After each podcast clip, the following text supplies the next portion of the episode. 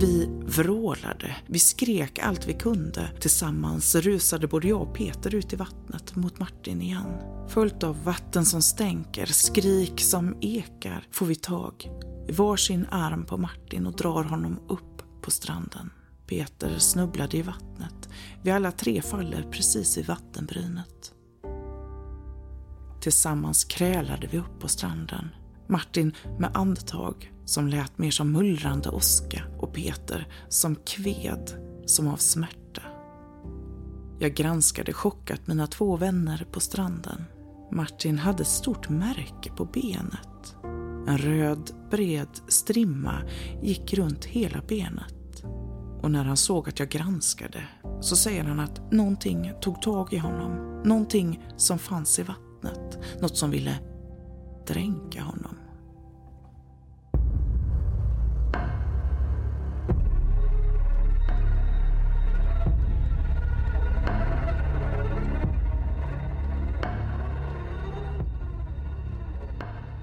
Hej, jag heter Anna och det här är podden Rysningar. Här blandar jag myter och legender, spökhistorier, creepypasta, hemskheter från både nutid och dåtid. Den här första säsongen använder jag mig av gamla avsnitt som tidigare släppts på min YouTube-kanal. Nytt för er som kanske aldrig stött på mig innan, men gammalt groll kanske för den som hängt med mig ett tag nu. Men ha tålamod, in på det nya året kommer nytt material. Som mitt fjärde avsnitt här på podden så tänkte jag dela med mig av del 1 i en serie i tre delar om vattenväsen. Jag har valt att döpa avsnittet till Det under ytan. Det kommer att komma ett han och ett hon under ytan så småningom.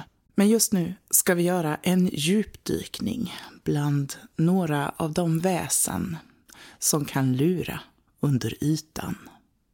Det under ytan, ja det har varit svårt att hålla sig till bara några fåtal väsen. Jag har sorterat bort flera stycken för att inte behöva sitta och babbla i timmar. Men några väsen och legender ska ni i alla fall få. Vi börjar med bäckahästen. I vår nordiska folktro så beskrivs denna vattenvarelse som en bäckens ande. Och kanske är det någon slags variant av Näcken. Detta väsen tar sig dock i skepnad av en vacker häst som lockar till sig barn till att vilja rida den. Egentligen en fruktad varelse. Den utger sig för att vara vänlig och det spelar ingen roll hur många som vill rida. Den har nämligen en förmåga att få längre rygg ju fler ryttare den får med sig. Hästen ska efter att man har satt sig på den sätta full fart mot djupt och strömt vatten för att dränka sina ryttare. Denna vackra skapelse förförde inte bara barn, även om det verkar vara det vanligaste i berättelserna, utan också vuxna. Om man mötte en sån här vacker häst vid vattnet var det bäst att genast fly. Men om man var dumdristigt modig och ville försäkra sig om att det var just en bäckahäst, då kunde man titta i dennes mun. Visade det sig vara fullt av vassa huggtänder, ja, då kunde man vara säker på vem man stött på. Det finns berättelser om bäckahästar i färger som grå, svart, vitskimrande och till och med blåaktigt, som vattnet själv. Men alla verkar heller inte ha enbart död i sinnet, utan verkar vilja spela spratt. Den kunde locka till sig ryttare och sätta av i galopp med en sån fart att man inte hann uppfatta riktigt vad som skedde. Plötsligt kastades man av hästen så långt hemifrån att man knappt hittade hem. Och bort sprang hästen med ett skrattliknande gnägg. Stålet som genom tiderna har fört med sig ett skydd mot onda väsen gällde även här. Genom att kasta en bit stål mellan hästen och vattnet blockerade man då vägen för bäckahästen. Dess makt bröts och man var utan fara.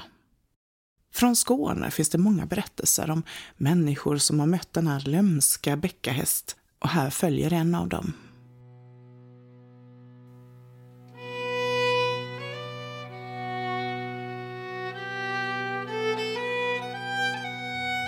Orehusbäcken rinner under vägen som går från Veberöd till Everlöv i södra Skåne.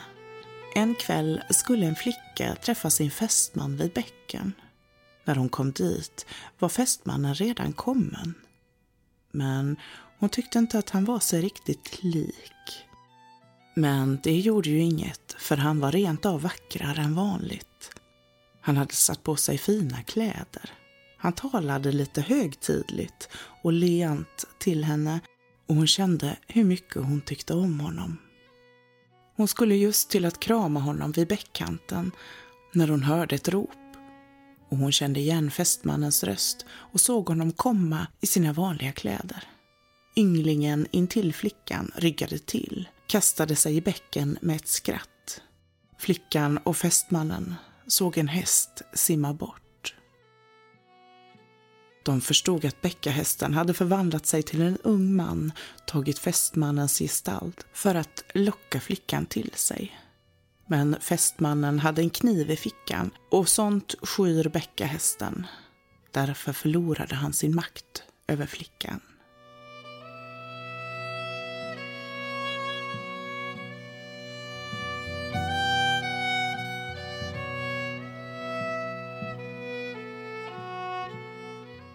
Bäckahästen har en motsvarighet på många olika ställen. Island och Färöarnas nykur. Och i den skotska folktron finns kelpin.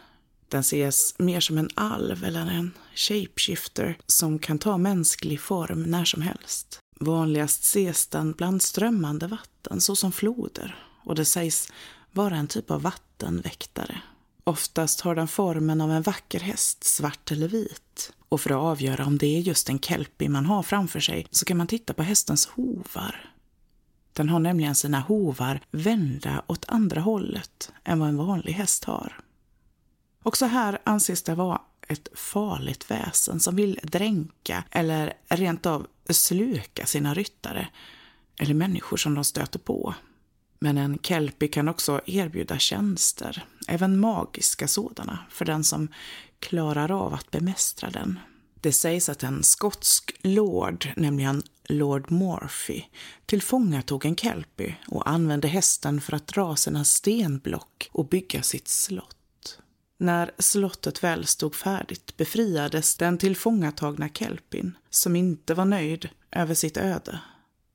Den lade en förbannelse över lorden och hans familj att aldrig kunna föra ätten vidare. Så här ska förbannelsen ha låtit. Sore back and sore bones driving the Lord of Morphy's stones. The Lord of Morphy will never thrive as long as the Kelpie is alive. Enligt legenden så dog också Lord Morphys ett ut. I den slaviska mytologin där hittar vi vattenandar som Vodjanoj eller Vodjanik som bland annat kan föra bort badande människor. Deras utseende kan variera, men är aldrig särskilt trevligt. Kappa är en annan världsdels vanliga vattenväsen. Kanske mer som ett litet troll egentligen. Kappan finns i den japanska mytologin.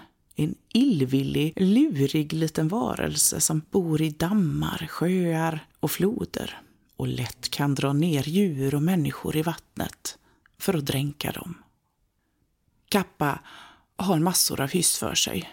Ibland lämnar den nämligen sitt vatten för jakt eller bara för att roa sig. Särskilt rädd bör man vara om man är kvinna då den har en del böjelser för sig. Vi bör inte gå närmare in på dem. Han älskar att stjäla gårdens hästar. Han rider dem tills hästen dör av utmattning och därför behövde bönderna skydda sina djur. För de som bor i närheten av en kappa ska vara lite försiktiga och man kunde blidka den genom att skänka den en gurka med familjens namn inristat på den. Kappan älskar nämligen gurkor. Och man kan på så sätt köpa sig trygghet. En gurka i gengäld för att få bli lämnad i fred. Vanligt är att kappan liknas vid en sköldpadda. Den har liksom en skålformad gässa, vilken är fylld med vatten. Och det är just detta vatten som ger honom den styrka som han har. Om vattnet i håligheten i hans huvud rinner ut, då förlorar han sin vilja och kan inte längre skada någon. Han kan därför överlistas ganska enkelt genom att till exempel buga sig mot honom och helt enligt japansk sed besvarar han bugningen och tappar ut sitt vatten från sin huvudskål.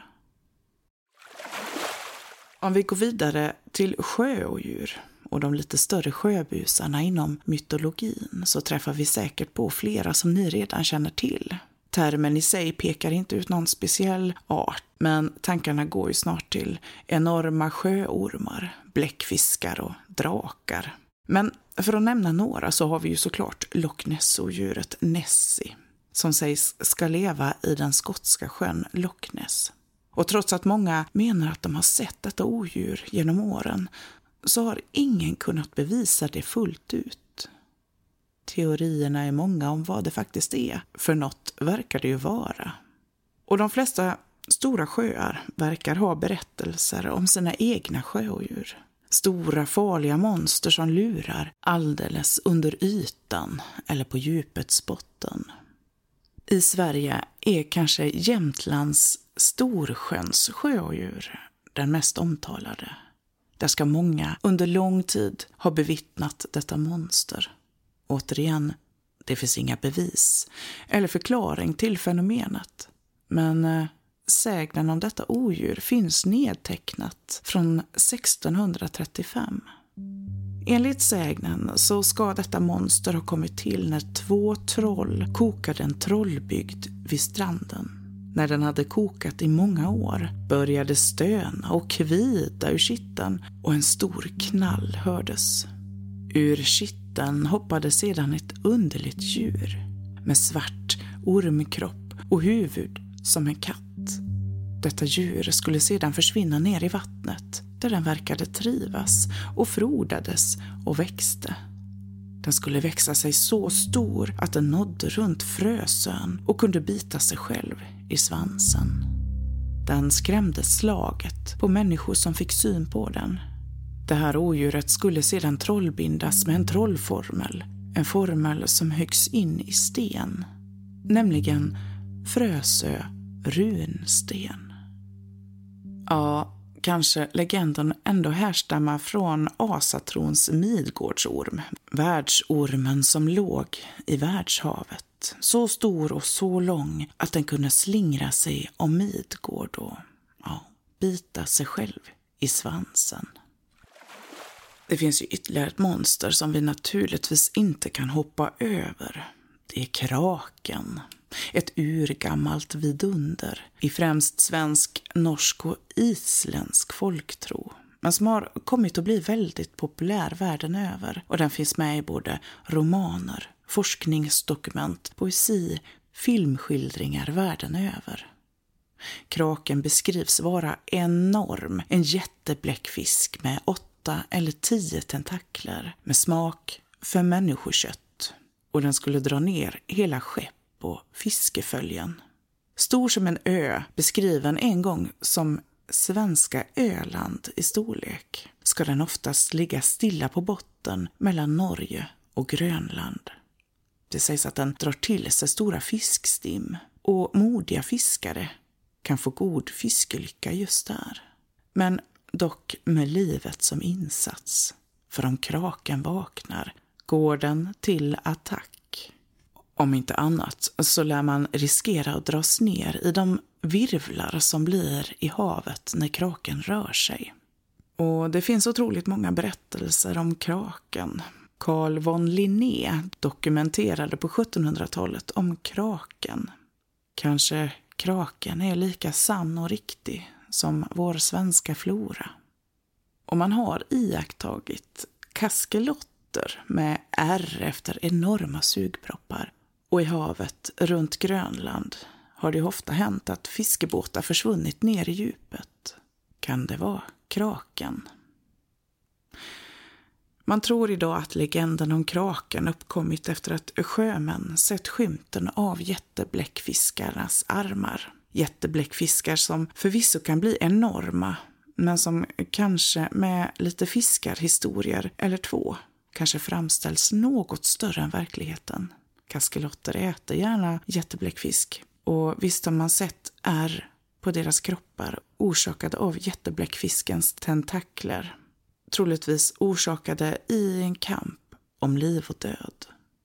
Och fiskebåtar som försvinner ner i djupet är det inte så konstigt på stormiga hav.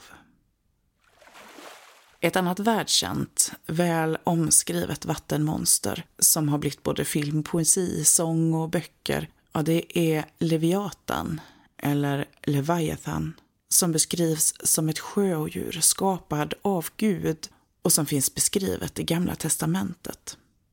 Det kan beskrivas som ett sjöodjur, ibland en krokodil eller en stor orm. Vitsen är att det är en förkroppsling av själva ondskan. Det sägs att Gud från början skapade en manlig och en kvinnlig Leviathan, men sedan dödade han honan då han insåg att världen skulle gå under om de började yngla av sig.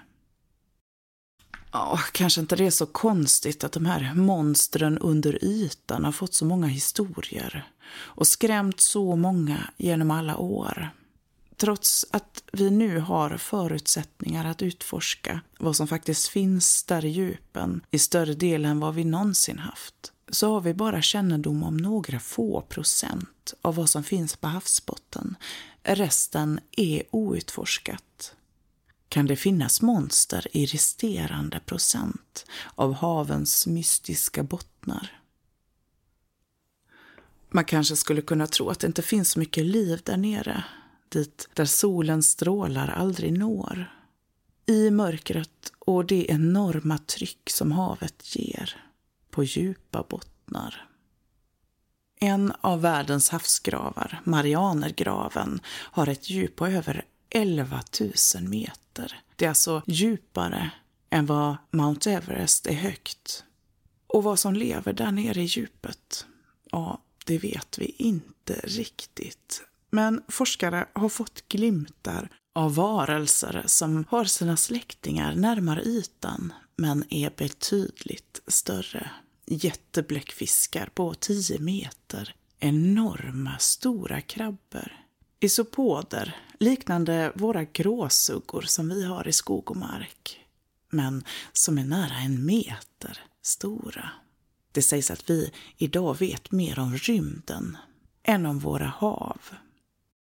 Man kan ju undra lite varför det finns så många monster och berättelser, så många myter och legender om just vattenväsen.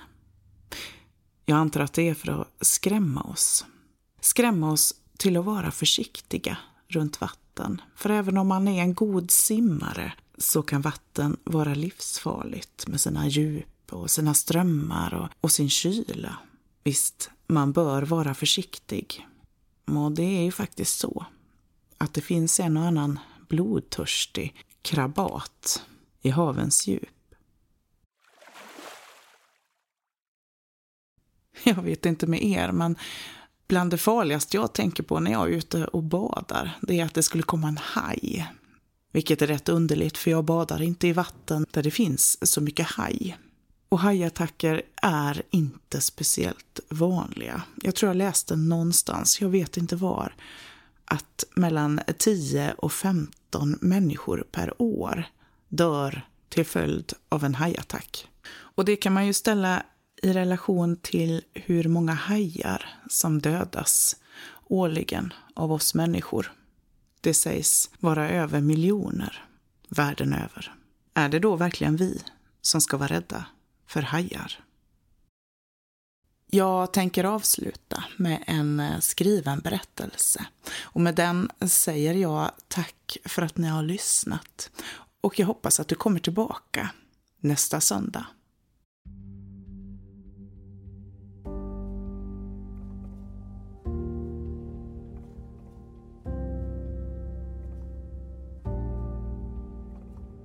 Det var inget självklart beslut att åka. Jag var ganska säker på att jag inte skulle åka. Länge. Jag hade hoppat över tioårsjubileumet återträffen med skolklassen jag gick alla mina år i grundskolan med. Det kändes som ett annat liv, en annan tid. Den lilla pittoreska byn mitt ute i ingenstans. Jag hade inte satt min fot där sedan dagen jag flyttade. Jag flyttade därifrån med hela min familj sommaren innan jag skulle börja gymnasiet. Jag skulle komma närmare min skola och mina föräldrar närmare sina arbeten. Ska jag vara ärlig så flyttade många av ungdomarna från byn redan i gymnasiet. Då i alla fall. Nu har jag ingen aning om vad som finns kvar i byn. Jag har inte ödslat någon tid över att undra vad som finns kvar i byn. Det fanns ett obehag som stack till varje gång jag tänkte på stället. Allt i min barndom var varma och fina minnen. Byn var trevlig, alla umgicks med alla. Skolan var bra och jag hade många kompisar som jag spenderade mycket tid med. Så jag vet inte varifrån detta obehag kom. Det kom smygandes varje gång byn poppade upp i mitt huvud. Och jag vet inte varför jag kände en sån stark ovilja att återvända. Nåväl, nu satt jag i bilen på väg dit. Dit jag aldrig trodde jag skulle återvända. När min gamla vapendragare Peter ringde och bad mig komma till klassens nu 20-årsjubileum tänkte jag att ja, jo, det hade varit förbaskat kul att ses ändå. Han, Peter, som varit min vän i alla år och som också flyttade tidigt från byn, hade bott i samma stad som jag i flera år. Vi umgicks ibland och min fru och hans fru hade blivit goda vänner. De var till och med faddrar till våran son, vår sex år gamla Vilde. Peter hade ordnat med boende redan i sina föräldrars hem. Han skulle bo i huset hos sina föräldrar medan jag kunde ta den lilla gäststugan som fanns på tomten. Allt var redan klappat och klart när Peter ringde och tjatade med mig till denna återförening. Så det var egentligen inte mycket att fundera på. Både Peters fru och min lilla familj skulle med. Även om de inte skulle med på själva klassträffen så hade de valt att åka med för att umgås med varandra. En mysig helg och lite semester från staden denna försommarhelg. Som sagt, jag hade inte satt min fot där på 20 år och minnena kom sköljande över mig när vi närmade oss byn. Platserna där jag hade lekt som barn. Skolan som såg likadan ut som jag mindes den. Hus, byggnader, det mesta såg ut precis som jag mindes det. Naturen, fantastiskt vacker, nu när allt exploderat i grönska. Det var ett vackert ställe. Jag undrade lite för mig själv varför så många flyttade därifrån. Få flyttade någonsin tillbaka. Vi körde runt i byn en stund, dels för att visa min fru och min son ställena runt omkring. Mitt barndomshem som nu ägdes av någon annan, skolgårdens gungor och sjön, såklart. Där vi badat varenda dag somrarna igenom eftersom det egentligen inte fanns så mycket mer att hitta på runt omkring. Men just när vi kom fram till den glittrande lilla sjön var det som att ett mörker och någonting kallt och klibbigt och tungt kom över mig. Känslan av skuld, rädsla och det där envisa obehaget. Nu starkare än någonsin. Vi körde upp till Peter, hans fru och hans föräldrars hus. Och visst, där stod de på trappan och mötte oss. Det blev ett härligt kaos av kramar och glada utrop en stund. Vi installerade oss i den lilla gäststugan. Det skulle bli en mysig helg detta. Fredagen bjöd på grillkväll i trädgården hos Peters föräldrar. Som tur var hade de flera hundar, vilka underhöll sonen i princip hela tiden. Det blev mycket snack om gamla minnen, personer och händelser. Ställen runt omkring och frågor om vad som hände med den eller den. Vi hade en utomordentligt trevlig kväll. Men återigen, det där välbekanta obehaget höll i sig. Som att det kröp i mig, utan att jag förstod varför. Som en slags ångest som jag inte riktigt kunde skaka av mig. Den fanns där, i bakgrunden, hela tiden. Lurpassade. Lördagens fest, självaste återträffen, skulle dra igång först på sen eftermiddag och Peters föräldrar drog med oss den dagen runt på en liten sightseeing i grannbyarna. Vi besökte en del loppisar och lokala små handelsbodar till min frus stora förtjusning. Men även ett besök hos ett par, ett par i mina föräldrars ålder. Kaffe och fat överlastade av kakor och kaffebröd. Paret kändes bekant, men det var omöjligt för mig att placera dem.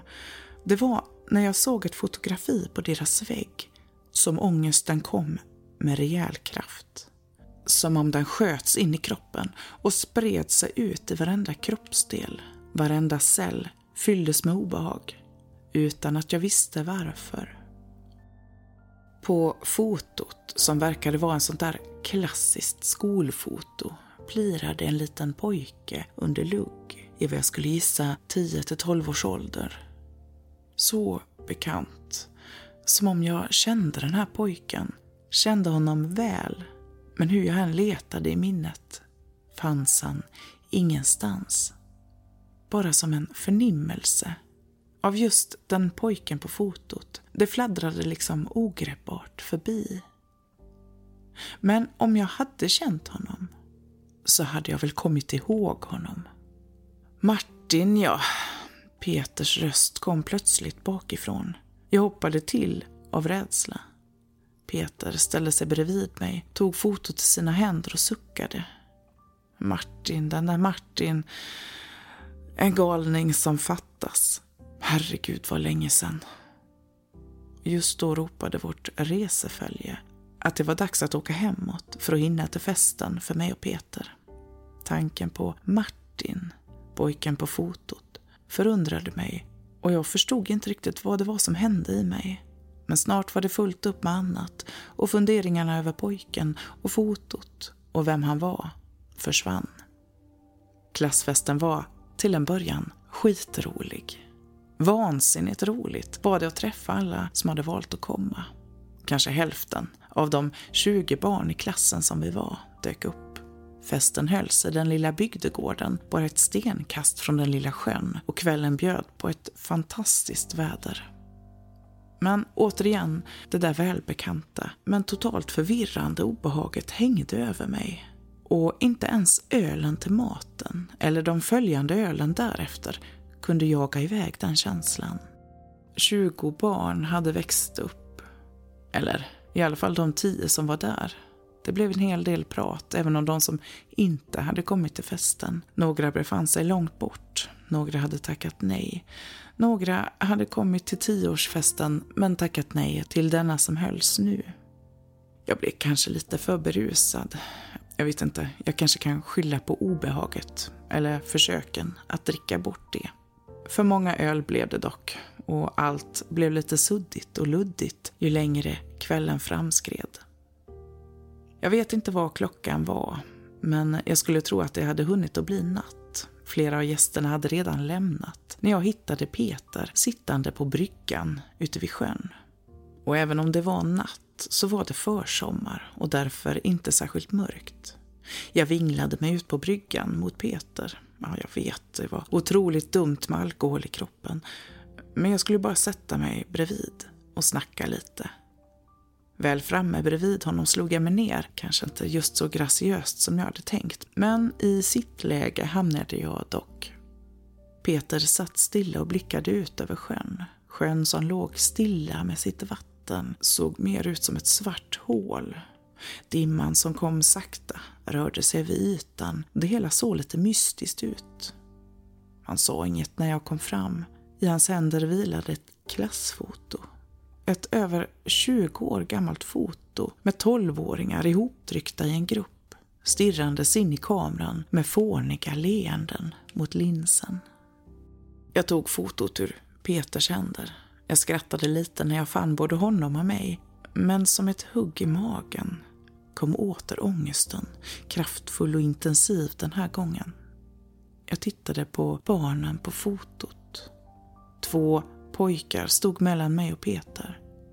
En av pojkarna var densamma som jag sett på fotot hos det äldre paret tidigare under dagen. Vad var det Peter hade sagt?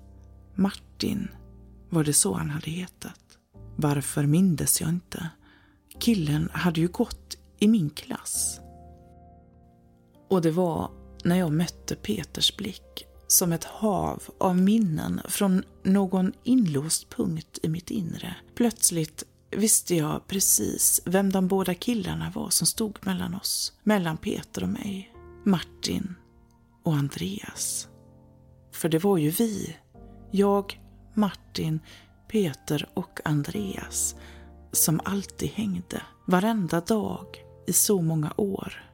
Uppväxta tillsammans hade vi delat varenda dag i denna lilla by. Det var som om hela deras existens var som bortsuddad för mig. Och nu kom det plötsligt tillbaka. Allt på en gång. Alla skratt och hyss, alla äventyr, alla slagsmål, alla äpplen vi pallat, alla cykelrace vi haft, alla kojor i skogen och alla serietidningar vi delat.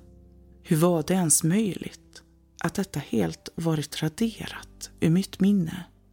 Att bara Peter funnits kvar. Och sakta kom insikten smygandes. Febrilt försökte jag få ordning på tankarna i mitt nu alkoholrusiga huvud. Hur var det? Vad var det som hade skett? En olycka? Var de döda? Visst var det så? Hela tiden kände jag Peters blick på mig, frågandes, lugn, som om han väntade ut mig. Tillsammans kunde vi nu, där på bryggan, fläta samman våra minnen till vad som hade hänt den där dagen och de följande. Det var som att min hjärna och mitt sinne valt att förtränga det som gjort så ont och varit så skrämmande att kroppen suddat ut för sitt eget välmående. Peter mindes dock allt och kunde fylla i mina luckor och halvdana minnen från den sommaren. De där underliga dagarna när vi förlorade våra bästa vänner. När Martin och Andreas försvann. Vi satt stilla på bryggan i flera timmar. Natten var kall, men vi satt kvar ändå. Och medan obehaget jag gång på gång känt över min gamla hemby fick sin förklaring så spred sig också en rädsla för stället i min kropp. Jag minns inte helt klart när vi vandrade hem den natten, tyngda över minnen, över dagarna då allt skett. Men ibland också skrattandes åt de minnen vi delade från tiden innan. Tiden som barn. Som en grupp killar som växte upp tillsammans tills något slet oss isär. Jag sov oroligt den natten. Jag kanske bearbetade mina minnen i drömmarna. Kvällen när vi fyra killar hade cyklat ner till sjön, en sval sommarkväll, kanske lite sent för ett bad. Men i mellanlandet mellan barn och tonår, ja då var det helt naturligt. Som om vi blev småbarn på nytt i vattnet älskade vi alla fyra att hänga där vid sjön, vare sig det var kväll eller dag. Förutom bryggorna så fanns det lite längre ut en flytbrygga, som en flotte. och det var naturligtvis där vi spenderade våran tid. Vi hoppade, dök, puttades och levde rövare som bara en grupp barnsliga killar kan göra. Just den där kvällen hade vi badat ett tag. Våra skratt och rop hade ekat mellan sjöns stränder. Andreas, som dykte i vattnet medan vi andra stod på flotten, livligt diskuterande om någonting försvann snabbt från vattenytan som om han drogs ner i vattnet av en kraft. Sedan kom han upp igen. Vi ser det alla tre. Vi som står på bryggan. Först trodde vi att han jäklades med oss, försökte skrämma oss. Men när han en andra gång försvann med samma hastighet och kraft under ytan och var borta längre blev vi lite fundersamma. Ett plaskande bröt vattenytan och Andreas huvud och armar kom upp igen. Han drog efter andan, hårt och paniken i hans ögon. Det skrämde mig så illa. Jag hade aldrig sett en sån blick förut. Ytterligare två gånger drogs Andreas ner under ytan. Vad som såg ut att vara helt ofrivilligt. För han kämpade. Väl uppe igen drog han våldsamt efter andan och det var som att han försökte säga någonting, vråla någonting åt oss. Men ut kom bara gurglingar i snabba andetag. Det blandades med hostningar och flämtanden innan han återigen såg ut att dras ner mot botten. Förstenade stod vi där först. Vi förstod inte vad det var vi såg, vad det var som höll på att hända. Vi var alla duktiga simmare och att det skulle finnas någonting farligt i vattnet fanns inte i våra huvuden. Men vår paralys släppte till slut när vi insåg att det dröjde innan Andreas kom upp igen.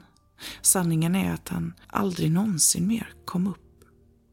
Martin och Peter kastade sig i vattnet. De dök och kom upp till ytan. De dök igen för att försöka hitta och hjälpa Andreas upp. Det var i de skriken och paniken omöjligt att inse vad som faktiskt höll på att hända. Och lönlöst sökte mina två vänner genom vattnet medan jag stod still på flotten, redo att dra alla tre upp. Två av mina vänner kunde jag hjälpa upp på flotten. Den tredje, Andreas, såg vi aldrig mer. Det lilla sunda förnuft man har i tolvårsåldern sa oss att vi måste ta oss i land för att så snabbt som möjligt kunna skaffa hjälp. Chockade av vad vi precis hade upplevt hoppade vi alla tre i vattnet återigen för att ta oss in till stranden. Stumma, tysta och i total chock. I de där sista simtagen innan vi nådde botten in till stranden hördes återigen det där våldsamma plaskandet. Både Peter och jag hade nått stranden, men när vi vänder oss om ser vi att Martin, vilt plaskande i vattnet, skrek och slog och sparkade. Han kommer sig upp stående så nära stranden, men kastas då åter bakåt i vattnet och vattnet sprutade runt honom. Det var som att någonting i vattnet tog tag i honom, drog honom vi vrålade, vi skrek allt vi kunde. Tillsammans rusade både jag och Peter ut i vattnet mot Martin igen. Och i ett ögonblick, följt av vatten som stänker, skrik som ekar, får vi tag i varsin arm på Martin och drar honom upp på stranden. Peter snubblade i vattnet. Vi alla tre faller precis i vattenbrynet. Tillsammans krälade vi upp på stranden.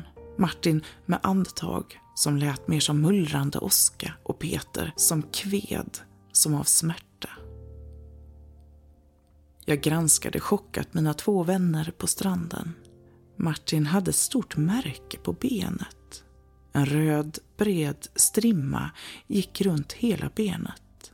Och när han såg att jag granskade så säger han att någonting tog tag i honom. Någonting som fanns i vattnet. Något som ville dränka honom. När jag sedan mötte Peters blick ser jag honom nicka. Även hans ben hade röda märken, om än mindre och inte runt hela benet. Men någonting hade alltså greppat tag i honom och försökt att dra honom ner i vattnet. Dagarna som gick var underliga, tomma, men ändå hotfulla på något sätt. Andreas försvann den natten han drogs ner i vattnet och kom inte mer upp till ytan levande. Han återfanns två dagar senare flytande vid vattenbrynet, död, drunknad. Ingen kunde förklara de röda märken som fanns överallt på hans kropp. Ingen vet vad som skedde. Inte heller vi som var med. Martin tappade det. Han verkade ganska okej okay fram tills att Andreas hittades. Då slutade han prata. Han slutade med allt. Han låg hemma i sin säng och bara stirrade. Någon vecka, kanske två. Tills han en natt gick upp ur sängen, klädde på sig, gick ut genom dörren där hemma och vandrade ner till sjön. Han tros självmant ha gått ner sig i sjön, drängt sig med märket runt sitt ben fortfarande lika synligt som natten då Andreas försvann. Allt detta pratade vi om där på bryggan, jag och Peter, som vuxna och som jag sedan drömde om, sovandes trygg i den lilla gäststugan. Men med svetten pärlande på min hud, vettskrämd i drömmarna och vettskrämd när jag vaknade. Det Peter också berättade var att sedan den natten när vi förlorade Andreas, den natten när någonting hade greppat hans ben och skapat märken på hans hud, då när vi sprang för att rädda Martin till land, då hade märket också bränts in i hans hud. Som en brännskada som aldrig går över. Och varje natt hade han hört viskningar, vare sig han var vaken eller i sömnen.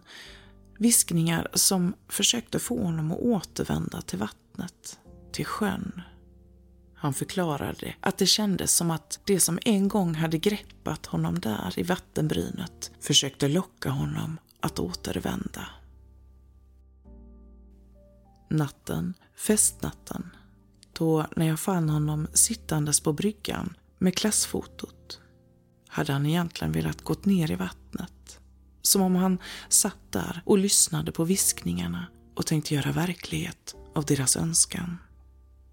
Han förklarade detta när vi gick hemåt den natten, men att han menade att det var underligt. Han hade egentligen aldrig haft en enda tanke på att ta sitt liv. Han berättade hur han trodde att det fanns någonting där nere i sjöns djupa vatten. Något som lockade och väntade och viskade. Någonting som hade märkt honom som sin och inte skulle ge sig förrän den fått vad den ville. Jag skämdes medan jag i mitt liv gått vidare så till den milda grad att jag helt raderat minnena. Minnena av händelsen och ännu värre, minnena av två av mina bästa vänner medan Peter levde i en ständig plåga av vad som skedde den där gången. Aldrig hade han nämnt det. Varje dag påminde märkena på benet honom, både visuellt och tydligen med en viss smärta. Varje dag mindes han det som jag nu knappt kunde hantera. Han berättade att han hade medicinerat sedan den tiden mediciner och terapi hade fått viskningarna lite tystare. Men allt återkom i full styrka när han fanns vid närheten av sjön. Han lovade mig att hålla sig borta från vattnet och inte besöka sjön igen. Varför hade han inte sagt något genom alla år? Jag vaknade först på förmiddagen på söndagen de timmarnas sömn jag hade fått var fyllda av skräck, ångest och rädsla. Jag vet inte hur jag mådde egentligen. Men jag vaknade strax till av ett himla liv utanför. In i stugan rusade Peters pappa som bad mig att komma med snabbt. Min fru hade åkt med Vilde till närmaste sjukhus med ambulans.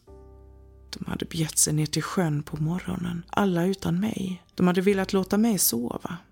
Ett morgondopp hade lockat bad och vattenlek för Vilde förstås. Och någonting hade hänt.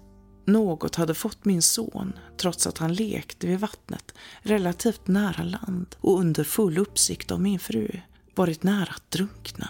Han hade ramlat, som min fru senare beskrev det, ner i vattnet flera gånger och gång på gång hade han hamnat under ytan. Hon hade fått dra upp honom med alla sina krafter och knappt fått upp honom. Väl uppe hade hans små lungor varit fyllda med vatten och ambulans hade tillkallats direkt. Även om hostan och andning hade kommit igång ganska snabbt. Väl på sjukhuset såg jag min lilla bleka son ligga nerbäddad i en alltför stor sjukhussäng med en grimma under näsan som försiktigt gav honom lite extra syre. Han sov med slutna ögon och halvöppen mun. Min fru föll gråtande om min hals och medan jag försökte förstå lyfte hon försiktigt täcket som låg omstoppat vid Vildes fötter. Hans små bleka fötter och ben blottades och runt hans vrister lyste ilskna röda märken. De sa att Vilde troligtvis fastnat i sjögräs Möjligtvis hade strömmarna och sjögräset som nästlat sig fast runt hans vrister dragit honom ner i vattnet. Jag drog efter andan. Jag hade sett de där märkena förut. Det fanns inget sjögräs där vid stranden. Och inga strömmar Jag visste att de där märkena var livsfarliga. Min son var märkt. Så fort vi fick lov att lämna sjukhuset begav vi oss genast hemåt. Långt bort från vatten och sjön som nu hade märkt min son. In till staden och tryggheten där. Min son har blivit tyst. Vildes blick har tappat sin glans. Lite mer för varje dag förlorar han en del av sig själv. Min glada, livliga pojke ligger nu bara i sin säng och stirrar ut i tomma intet. Läkare har undersökt, men ingen hittar något fel. Inga skador, inga sjukdomar. Alla värden är bra. Men pojken liksom försvinner ifrån oss. Vi föräldrar är förtvivlade, helt maktlösa. Jag tror jag vet. Men att tala om det gör ju ingen nytta. Vem skulle tro mig? I ett febrilt försök nu idag försöker jag få tag på Peter. Ja, jag vet inte. Kanske kan han hjälpa. Men samtalen jag ringde fick inget svar. Och jag har precis talat med hans fru. Hon bad om ursäkt för att hon inte talat om. Hon visste att vi hade ju så mycket med Vilde just nu. Men Peter, han försvann. Morgonen då Vilde höll på att drunkna. Han hade setts av några morgonpigga motionärer. Han hade vandrat rakt ner från stranden ner i sjön. Lugnt, sakta och målmedvetet. Han hade gått stilla tills hans gässa omslöts av vattnet och han kom inte upp igen. Han har inte setts till sedan dess. Hans kropp är inte återfunnen. Inte än.